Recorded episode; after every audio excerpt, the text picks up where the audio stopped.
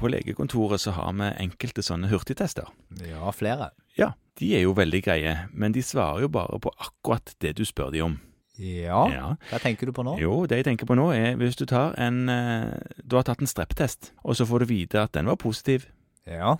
Og da vet du Hva vet du da? Jo, du vet akkurat det du spurte testen om. Ja. Du vet at du har streptokokker i halsen. Du vet at det er streptokokker i halsen. Fordi at de testene har ganske høy sensitivitet og spesifisitet på å finne streptokokker i halsen. Ja, men eh, sier testen noe mer enn det? Nei, fordi at problemet er, og det du egentlig lurte om på, det Ja. har du egentlig ikke mulighet til å spørre testen om. Nei, for det du ønsker å spørre testen om, det er er det denne bakterien som gjør at denne personen har vondt i halsen sin? Ja, ikke sant. Mhm. Sånn at hvis du da for eksempel har en halsbetennelse og ønsker å finne ut om den skyldes streptokokker, og da gruppe A-streptokokker, som er det man tester for på disse hurtigtestene, Ja, så får du svar på det ja eller nei. Ja. Det er to store problemer av det. Minst. Det ene er at det, det går Minst, ja. Det ene er at det går fint an å ha en annen bakterie i halsen Som gir sykdom? som gir sykdom, Mhm. og som sånn sett hadde trengt antibiotika, for det er ofte det som er spørsmålet. Skal denne pasienten ha penicillin eller ikke? Mm. Den andre tingen er at det er fullt mulig å ha til og med virussykdom og ha gruppe A-streptokokker i halsen uten at de har sykdom. Uten at- Altså å være det man kaller for en bærer, en asymptomatisk bærer. Er, det, er det vanlig, da?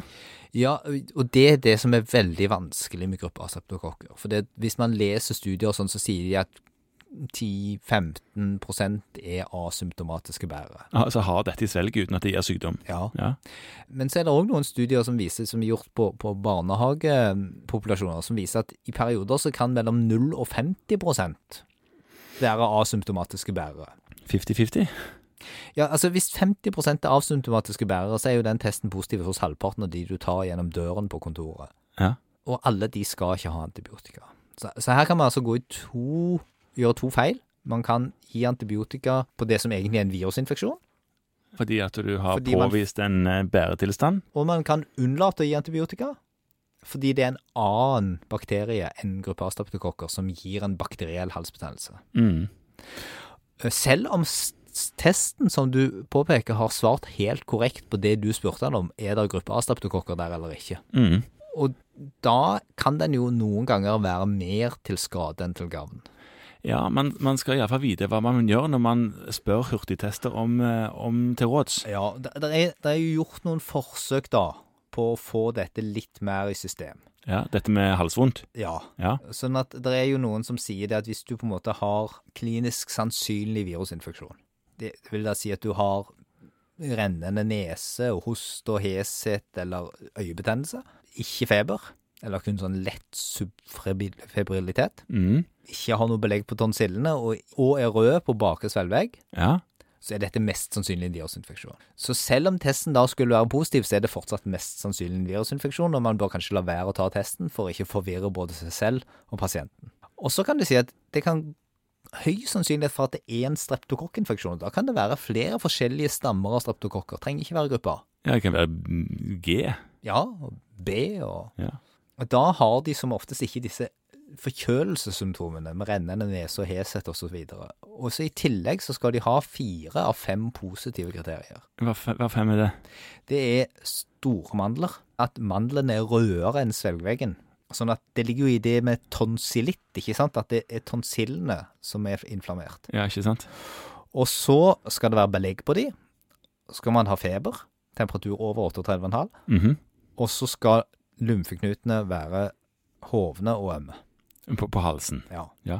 Så det var de fem kriteriene, og du må ha fire av dem for at du skal anta at dette her er bakterielt. ja. Og så skal de da ikke ha snuer og, Mm. og sånn Ok. i tillegg. Så du har et utelukkelseskriterium og fire av fem positive kriterier. Da er det i hvert fall ikke vits i å ta streptest, for da skal du behandle det uansett Ja. som en bakteriell streptokokkans. Mhm.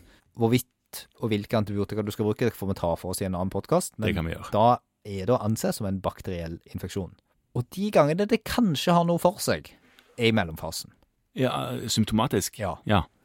Hvis du ligger et sted mellom disse to, så kan det være en verdi av å bruke en streptest, men da må du vite at den svarer på det spørsmålet. Er det gruppe A-streptokokker, eller er det noe annet? Mhm. Og det blir jo litt farga av hvor mange bærere du har.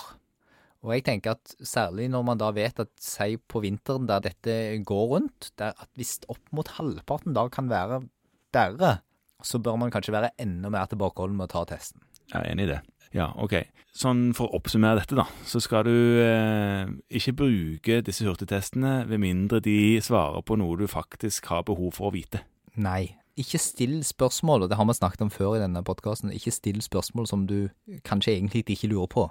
Ja. Ikke still spørsmål for å bekrefte noe du tror. Da kan du ofte få et svar som du sitter og angrer litt på etterpå. Og en del pasienter de vet jo om disse hurtigtestene og forventer nesten at når du har vondt i halsen, så skal du ta den helikoptertesten, som Ja. noen kaller den. Eh, Og det må du kanskje ta en liten runde på og forklare at ikke alltid er helt riktig å gjøre.